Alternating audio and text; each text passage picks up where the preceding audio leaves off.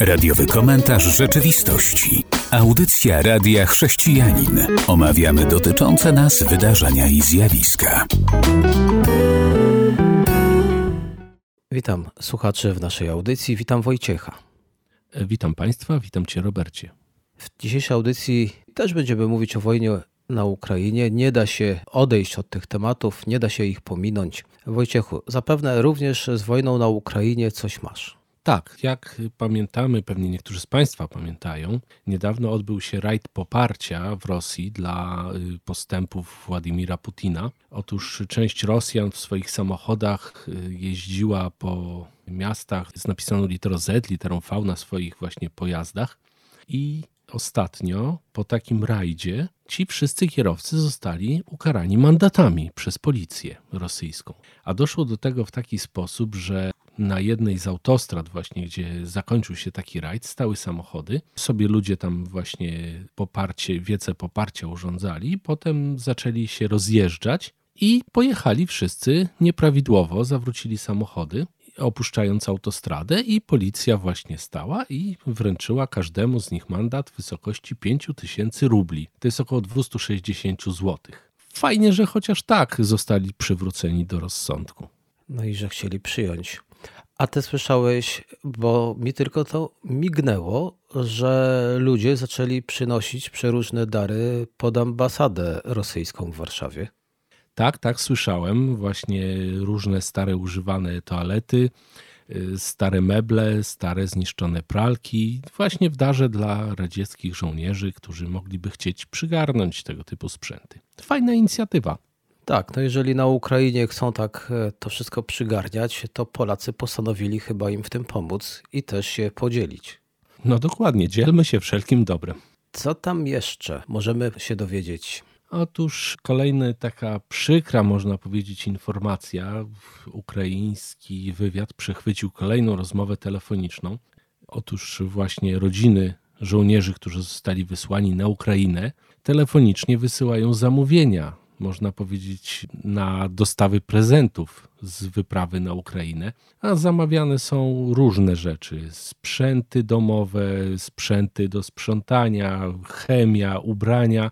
No po prostu mam wrażenie, że ci ludzie stracili wszelki kontakt z rzeczywistością. To tak jakby ktoś pojechał na wycieczkę i prosiła go rodzina o przywożenie prezentów z wycieczki. Może w tych niektórych przypadkach opierają to na jakichś źródłowych informacjach, bo jeżeli Rosja unika słowo wojna, a jest to ingerencja, to może sobie myślą, że tam jadą, tam ich oczywiście witają serdecznie, a oni mogą udać się do jakiegoś sklepu i coś zakupić bardzo tanio, a może nie wiem, że z wdzięczności sami Ukraińcy obdarowują prezentami. No bo trudno w to uwierzyć, żeby ktoś świadomie kogoś zachęcał do kradzieży. Tak, wydawałoby się to bardzo dziwne, aczkolwiek myślę, że po prostu ci ludzie nie są aż tak nieświadomi tego, co się dzieje, mimo tej całej propagandy.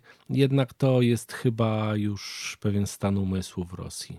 Czyli stosują to, co znamy z historii sprzed wieków, czyli nic innego jak e, grabież, jak e, zdobywanie łupów na tych, do których się pojechało, aby ich i tak jeszcze zabić w dzisiejszych czasach jest to faktycznie trudne do ogarnięcia, że tak można. I że ci ludzie do tej pory w tak może cywilizowanym kraju niby coś takiego pochwalają.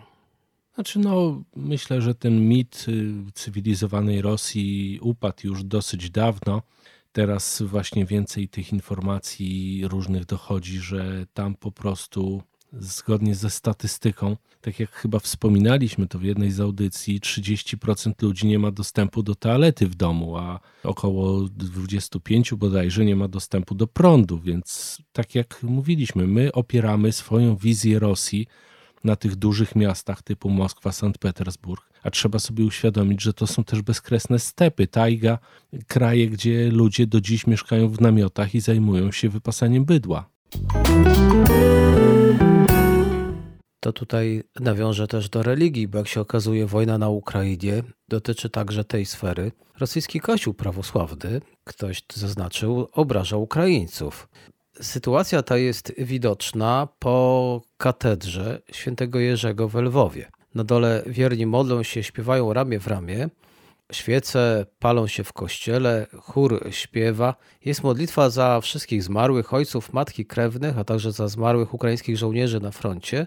No i ten Sobór Świętego Jerzego ukazuje swoje prawdziwe oblicze, modląc się za żołnierzy, staje po stronie Ukrainy. No i to się nie spodobało rosyjskiej cerkwi prawosławnej, do której on należał i nawiązuje do tego, co już mówiliśmy, że bardzo wiele różnych parafii, mówiąc to w języku polskim, odchodzi od rosyjskiej cerkwi prawosławnej, a szczególnie Stało się to po tym, kiedy to Cyryl się odezwał i tak naprawdę co zrobił, Wojciechu? No, poparł Putina. Tak, Cyryl postrzega wojnę jako świętą bitwę między dobrem, czyli Rosją, a złem, czyli Ukrainą i Zachodem. No i jego argumentacja właśnie obraża cerkwie na Ukrainie, również te klasztory prawosławne. No i stało się to, że rzecznik poinformował, że oni też odchodzą od cerkwi rosyjskiej i coraz więcej, coraz więcej na całym świecie parafii ucieka od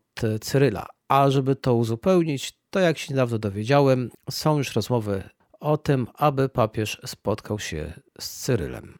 No tak, tak jak powiedziałeś, to obraża Ukraińców, ale myślę, że wypowiedzi Cyryla obrażają nie tylko Ukraińców, ale i każdego zdrowo myślącego człowieka. A co do spotkania papieża z Cyrylem, to tutaj właśnie też Ukraina bardzo ostro wystąpiła przeciwko takiemu czemuś. Może nie przeciwko samemu spotkaniu, ale też uważają, że to obraźliwe byłoby wycieczka papieża najpierw do Moskwy, do Cyryla, a tutaj, kiedy oni zapraszali też na Ukrainę, to na razie bardzo ostrożnie papież podchodzi do tematu i mówi, że to oczywiście leży na stole, no, jest rozważane. No, zobaczymy, co zrobi papież. To na pewno będzie ciekawe zjawisko. Tak. To na koniec chciałem tylko powiedzieć, że obecność rosyjskiej cerkwi prawosławnej na Ukrainie frustruje polityków, jak można o tym się dowiedzieć. I Kijów postrzega Kościół jako narzędzie Putina, tę rosyjską cerkiew prawosławną, czyli jako narzędzie Putina do wywierania wpływu w kraju. I pod koniec marca już posłowie ukraińscy zaproponowali zakaz działalności patriarchatu moskiewskiego. Także jest, jak widać, ta walka również w tej sferze religijnej i wpływów. A teraz zapraszam na przerwę muzyczną, po której będziemy kontynuować. Radiowy komentarz rzeczywistości. Wysłuchaliśmy utworu muzycznego i powracamy do audycji i też powracamy do tematu, jakim jest sytuacja na Ukrainie. Słucham Wojciechu. Zdarzyło się ostatnio, że papież zaproponował coś takiego, aby w trakcie drogi krzyżowej w Watykanie krzyż, który jest niesiony przez wiernych, nieśli właśnie Rosjanie i Ukraińcy, rodziny z jednej i z drugiej strony, w takim geście, można powiedzieć, pojednania. I tutaj pojawiło się też dużo komentarzy. Ja znalazłem jeden bardzo ciekawy, który powiedział pewien dominikanin, który na co dzień żyje w Kijowie, to jest ojciec Tadeusz Samulnik, stwierdził on, że na takie gesty jest zdecydowanie za wcześnie i pozwolę sobie zacytować. Nie robi się, jeśli mogę tutaj użyć obrazu tego typu zabiegów na otwartej, krwawiącej jeszcze ranie. Jest jeszcze za wcześnie, aby mówić o pewnego rodzaju pojednaniu, jakiego życzy sobie papież Franciszek. Myślę, że najpierw trzeba nazwać rzeczy po imieniu, wymierzyć sprawiedliwość po ludzku, a jest to sprawa polityków i sądów. Nazwać ofiarę ofiarami, oprawcę na jeźdźcu, okupanta po imieniu, i dopiero wówczas po latach można mówić o tego typu gestach pojednania. No to jest taka wizja właśnie tegoż zakonnika, który, tak jak mówię, na co dzień mieszka w Kijowie, na co dzień znajduje się właśnie, można powiedzieć, w samym centrum wydarzeń, a z drugiej strony papież, który z jednej strony powinien faktycznie zachęcać do gestów pojednania. I teraz, jak myślisz, która z tych postaw jest bardziej właściwa? Nie wiem, jaką motywację ma papież, ale mówiąc szczerze, chyba bardziej bym się przychylał do tego, co zaproponował papież. Tak, wiem, że jest wiele oburzenia, no ale powiedzmy sobie szczerze, królestwo, jak powiedział Pan Jezus, jego królestwo nie jest tego świata. A więc to nie są ani Rosjanie, ani Ukraińcy, ani Polacy. Tak naprawdę są to po prostu dzieci Boże. I teraz spróbuję to choć króciutko, ale jednak naświetlić. Więc jeżeli są Rosjanie, którzy kochają Pana Jezusa. I są Ukraińcy, którzy kochają Pana Jezusa. A kochając Pana Jezusa, również kochają bliźniego swego. A więc Rosjanin kocha tego Ukraińca, a Ukrainiec kocha tego Rosjanina. No to oni w domu gdyby się spotkali, bo mogą być dobrymi kolegami i dobrymi chrześcijanami.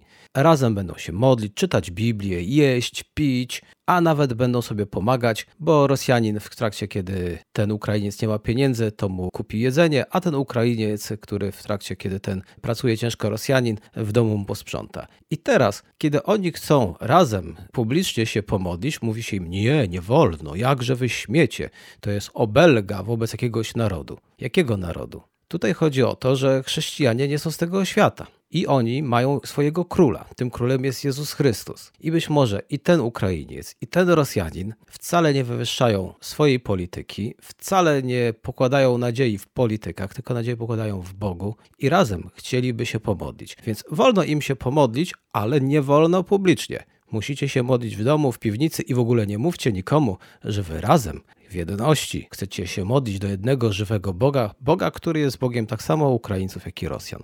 Dodam, że również Polaków. No tak, to powiedziałeś bardzo prawdziwe rzeczy. Natomiast myślę, że sytuacja jest o tyle złożona, że gdyby papież nie zajmował się polityką, a zajmował się właśnie sprawami wiary, nie byłoby takich kontrowersji, bo wtedy każdy postrzegałby papieża tylko i wyłącznie w kwestii wiary, który mówi: Słuchajcie, no dobra, zaatakowali, tak, potępiamy to, potępiamy, no bo potępiamy wojnę, ale z drugiej strony dążmy do pojednania, dążmy do przyjaźni. Natomiast jeżeli ktoś zajmuje się równocześnie polityką, no to jest postrzegany niestety jako polityk i trudno się dziwić, myślę tutaj temu zakonnikowi, że takie ma podejście do tematu. No bo my już dobrze wiemy, że Kościół rzymskokatolicki mocno angażuje się w politykę, dlatego że samo państwo watykańskie, jak nazwa wskazuje, jest państwem, a więc e, papież jest zarazem e, głową państwa, więc ma swoich e, dyplomatów. Mamy tam przecież również swoich przedstawicieli. Polska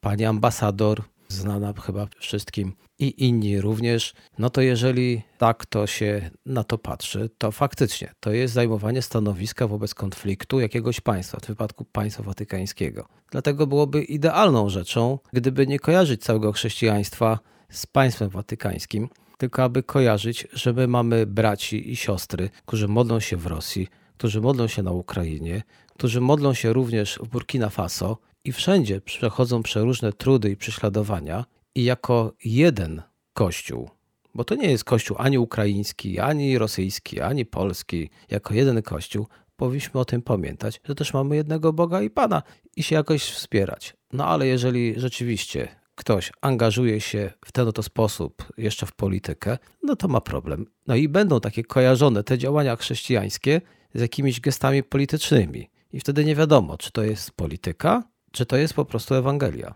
No dokładnie. A skoro już jesteśmy w tych tematach wiary, znalazłem jeszcze jeden ciekawy artykuł. Otóż krążownik Moskwa, który ostatnio tak hucznie został zatopiony, pojawiło się wiele żartów różnego rodzaju na ten temat, ale na tym to okręcie, wyobraź sobie, znajdowała się relikwia. A tą relikwią był kawałek drewna wielkości kilku milimetrów, osadzony w XIX-wiecznym metalowym krzyżu, który to krzyż spoczywał na w specjalnie zdobionej metalowej arce i całość umieszczona była w okrętowej cerkwi. Według nieoficjalnych informacji te relikwie zakupili mecenasi, w cudzysłowie tak się nazwali, za 40 milionów dolarów, a znajdowała się ona jakoby w katolickim kościele i została właśnie tam kupiona. Oni chcieli zostać anonimowi. Ale jak się okazuje, tutaj ludzie, którzy badali ten temat, y, nie stwierdzili nigdzie w sferze publicznej takiej transakcji, więc y, założono, że to jest jakiś taki wymysł. A żeby było śmieszniej, ten kawałeczek drewna był określony właśnie jako kawałek z krzyża Chrystusowego. I jak się okazało, też wyciekły informacje, że putinowscy admirałowie tak byli przekonani o ochronnej mocy tejże relikwii, że pływali sobie właśnie bardzo blisko brzegów i tak właśnie strzelali tam do tych różnych miast. I flota czarnomorska właśnie przeżyła bardzo dużą stratę właśnie tak jak okręt, tak i relikwia, ponieważ niestety poszła na dno razem z okrętem. No i znowu mamy łączenie, prawda, polityki z jakimiś doznaniami, uczuciami, wartościami po części chrześcijańskimi, no bo jest inna całkiem sprawa, że ta relikwia nie ma żadnej mocy. Tutaj mogą się obrazić co niektórzy nasi słuchacze, no ale powiedzmy sobie, po której stronie stoi Bóg? Po stronie Rosjan czy Ukraińców? Ja najczęściej lubię odpowiadać, że Pan Bóg stoi po swojej stronie. I Biblia mówi: przyjdźcie wszyscy do mnie. Biblia mówi, że Jezus nawołuje nas: przyjdźcie wszyscy do mnie. Co to oznacza? To oznacza, że i ci Rosjanie, i ci Ukraińcy, i ci Polacy muszą przyjść i stanąć po stronie Jezusa, a nie każdy będzie w jakiś sposób nawoływał i zapraszał Jezusa na swoją stronę. Nie, Jezus trzyma tylko swoją stronę. No dokładnie, ale też tu mi się przypomina inny aspekt i wygląda to tak trochę jak wielka bitwa magów. My mamy tutaj święty przedmiot, nasza moc wzrosła, będziemy walczyć teraz z wami piorunami ognistymi. No po prostu nie wiem, to tak w średniowieczu rycerze umieszczali sobie właśnie tak zwane relikwie na zbrojach, żeby zapewnić sobie nietykalność, a minęło paręset lat, a my mentalnie, niektórzy oczywiście, dalej tkwimy w średniowieczu. No po prostu niezrozumiałe. Jest to zrozumiałe, dlatego że ludzie szukają oparcia i pomocy w Bogu. Już nie patrzymy w jakiej formie, ale generalnie szukają poparcia Boga dla swoich pomysłów. Jest to obecne w każdym kościele, czy tym, który ma relikwie i tym, których ich nie ma, że te kościoły, te środowiska, te grupy liczą na to, że Pan Bóg będzie po ich stronie, tak jak powiedziałem. Więc jedni będą robić to w formie wystawiania relikwii, ale inni będą ogłaszać post i modlitwa. Inni zaś będą coś jeszcze innego robić. Ogłaszać, że święta krew przykrywa ich działania i tak dalej. To protestanci będą używać z pewnych środowisk. Mam wrażenie, że jest bardzo dużo chrześcijan, którym się wydaje, że oni w taki jakiś tam sposób ściągną Pana Boga i Pan Bóg stanie po ich stronie zapominamy wciąż, że to my mamy szukać woli Bożej i to my mamy stawać po stronie Bożej, a nie za wszelką cenę jakimiś różnymi formami ściągać przychylność Bożą na swoją stronę, no to co wtedy z tą drugą? Druga będzie musiała kupić droższą relikwię. Albo więcej pościć, ewentualnie więcej się modlić. Dokładnie. Dobrze, zapraszam na przerwę muzyczną. Ochłoną nasze emocje, a potem wracamy i będzie część trzecia. Radiowy komentarz rzeczywistości. Wysłuchaliśmy utworu muzycznego i powracamy do audycji. Zapewne wiesz, co to jest Disney. No, Disney, tak. Rysownik amerykański, który Prawda? stworzył kilka bajek ciekawych, całe te światy, zabawy, jakieś takie wesołe miasteczka, można powiedzieć. Tak, i dzisiaj jest cała wielka firma Walta Disneya, i jak się okazuje, Amerykanie mają zagwozdkę i pewnie do Polski też to przyjdzie, bo już zdecydowana większość Amerykanów twierdzi, że jest mniej skłonna do robienia interesów z Disneyem po tym, jak dowiedzieli się, że firma tworzy treści mocno związane z LGBT. Krótko mówiąc, firma zaczęła wspierać LGBT. Takie doniesienia dotarły już prasowe, które pokazują, że Disney koncentruje się na tworzeniu treści, które mają na celu właśnie skierowanie uwagi dzieci na LGBT.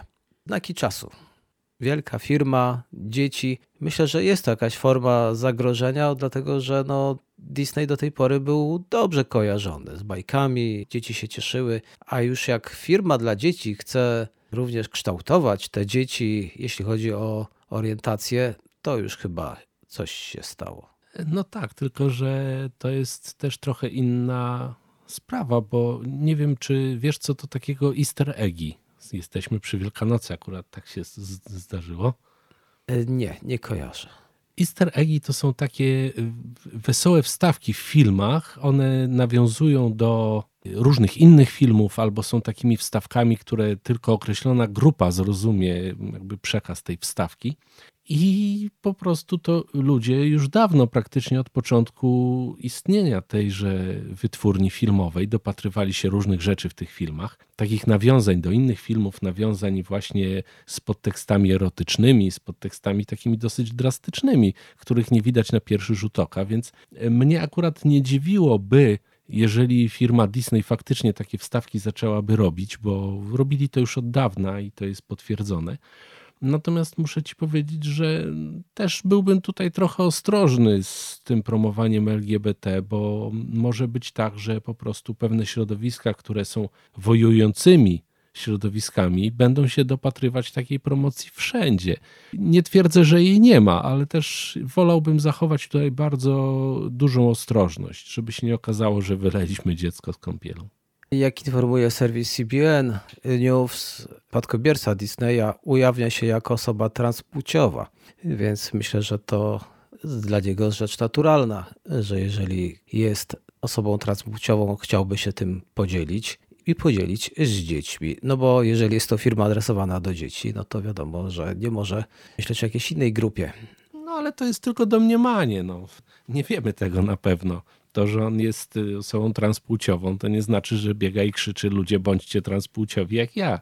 Są firmy, które to już robią. Po prostu już w jakiś sposób nawiązują, rozdając zabawki, czy też w jakikolwiek inny sposób. Dlatego jako chrześcijanie pewnie będziemy korzystać co z niektórych bajek Disneya, ale to jest tylko okazja, by powiedzieć, nie chodzi tylko o Disneya, o wszelkie produkcje. Trzeba po prostu być ostrożnym patrzeć, uważać, bo w tych bajkach często już chyba nie chodzi, aby dziecko mogło otrzymać coś dobrego, tylko aby dziecko mogło otrzymać formę zabawy, która go przykuje do telewizora i da spokój rodzicom. Albo da zarobić na reklamie, która pojawi się w międzyczasie. Tak, więc myślę, że powinniśmy być generalnie bardzo czujni, co serwujemy naszym dzieciom, a nawet to, jak dużo tego serwujemy, bo nawet coś, co jest bardzo dobre, co smaczne, dajmy na to czekoladę, ale to też nie może być posiłek, który będzie dziecko spożywało przez tydzień. Tak, zdecydowanie. I tutaj jeszcze też dobry przyczynek do tego, żebyśmy mieli odwagę porozmawiać z naszymi dziećmi i powiedzieć im, o co chodzi w tym, co widzą jaki to ma wpływ, czy to jest dobre, czy niedobre, żebyśmy też mogli kształtować nasze dzieciaczki, żeby nie kształtowała ich ta bajka, a dała nam przyczynek do dobrej rozmowy. Byłoby cudownie, gdyby to zawsze była okazja, aby pobyć z dzieckiem, przekazać coś cennego, no ale problem jest taki, że chyba mam takie wrażenie, że rodzice coraz mniej czasu poświęcają dzieciom. Niektórzy rodzice liczą na dziadków, ale chyba idą też takie czasy, że w Polsce i dziadkowie nie do końca już są zainteresowani, aby przebywać zbyt wiele czasu z wnukami. No tak, to myślę, że to jest akurat kwestia osobnicza, bo ja akurat znam takich dziadków, którzy chętnie z wnukami przebywają. No miejmy nadzieję, że te czasy nie zmienią nas aż tak bardzo. Oby jak najwięcej takich dziadków było. A teraz przenieśmy się do Izraela. Izrael ponownie otworzył się na pielgrzymów, no bo idzie Wielkanoc. A Wielkanoc to obchody Wielkiego Tygodnia i samej Wielkanocy. To jest taki czas, gdzie przybywa dużo turystów, gdzie są odprawiane też specjalne nabożeństwa.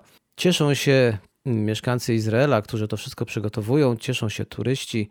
Jedyne restrykcje, jakie zostały, restrykcje pandemiczne, to konieczność używania maseczek i środków dezynfekujących przy wejściach do świątyń. W Polsce chyba również już nie ma takich obostrzeń, prawda? No, zdecydowanie tak, mm, aczkolwiek we wszystkich punktach medycznych nadal obowiązuje używanie maseczki. A co akurat mi się bardzo podoba, płyny dezynfekcyjne nadal są w różnych miejscach dostępne, bo to nawet nie chodzi o pandemię, ale myślę, że fajnie od czasu do czasu ręce zdezynfekować. W końcu dotykamy naprawdę różnych przedmiotów, poruszając się po mieście. I właśnie w tym kontekście w Izraelu jest to taka uroczysta chwila dla wszystkich chrześcijan, wszystkich wyznań teraz.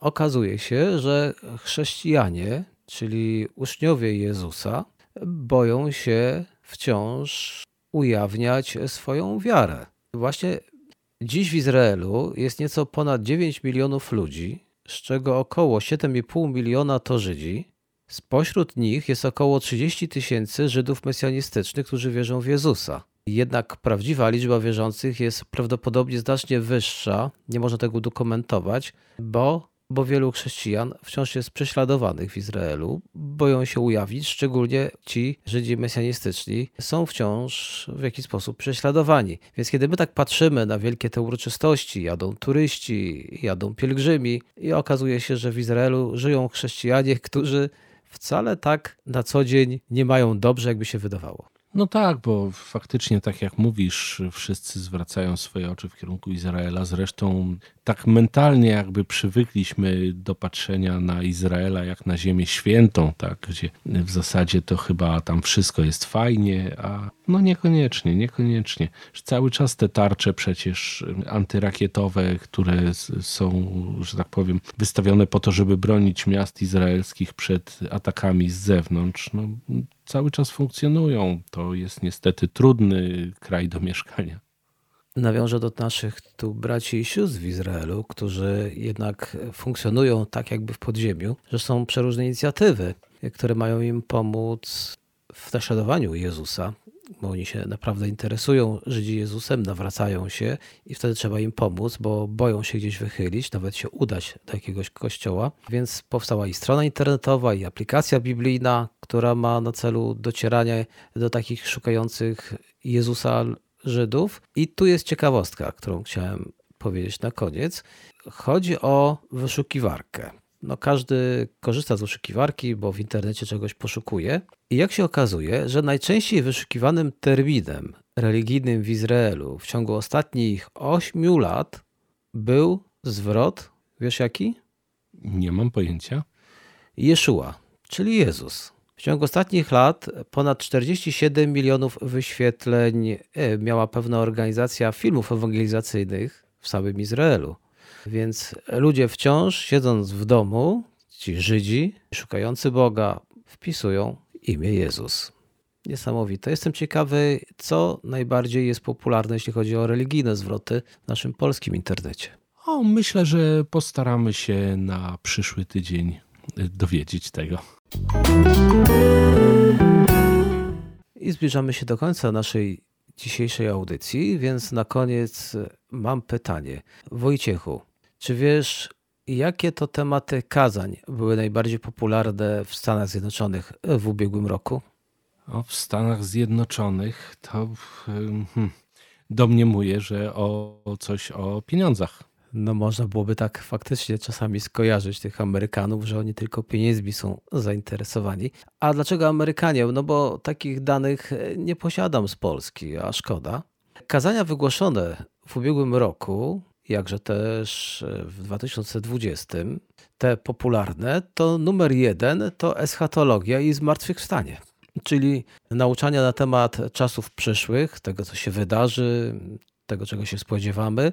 No i sam temat e, zmartwychwstania, zmartwychwstania naszego, podejrzewam, że również zmartwychwstania Pana Jezusa.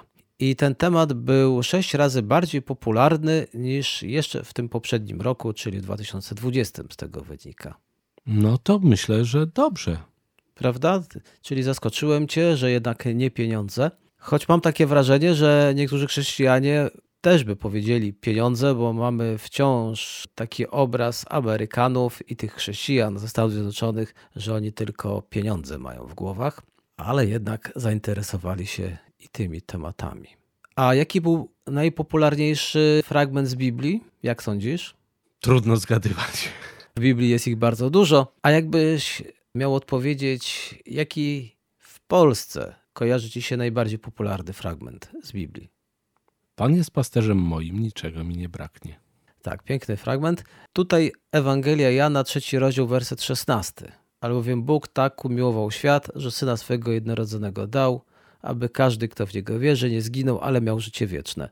Najpopularniejszy fragment Biblii w ubiegłym roku w Stanach Zjednoczonych. Ale mamy też drugi, najczęściej używany fragment Biblii i pochodzi on już z Ewangelii Mateusza, 28 rozdział, od 18 i do 20 wersetu.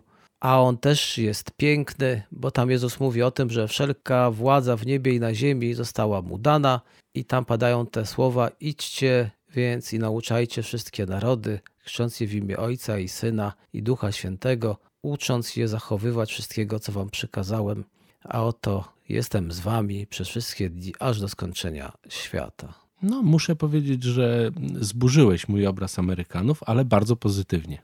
I tymi fragmentami pewnie zakończymy dzisiejsze nasze spotkanie. Cieszę się, że te fragmenty interesują Amerykanów. Chciałbym, żeby też Polaków również zainteresowały, bo w nich jest cudowne przesłanie, które pokazuje nam, że Pan Jezus przyszedł na ten świat, umarł i zmartwychwstał jako wyraz Bożej miłości do człowieka.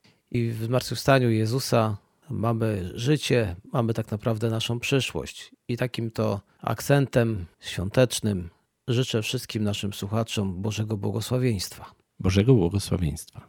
Do usłyszenia. Do usłyszenia. Był to radiowy komentarz rzeczywistości.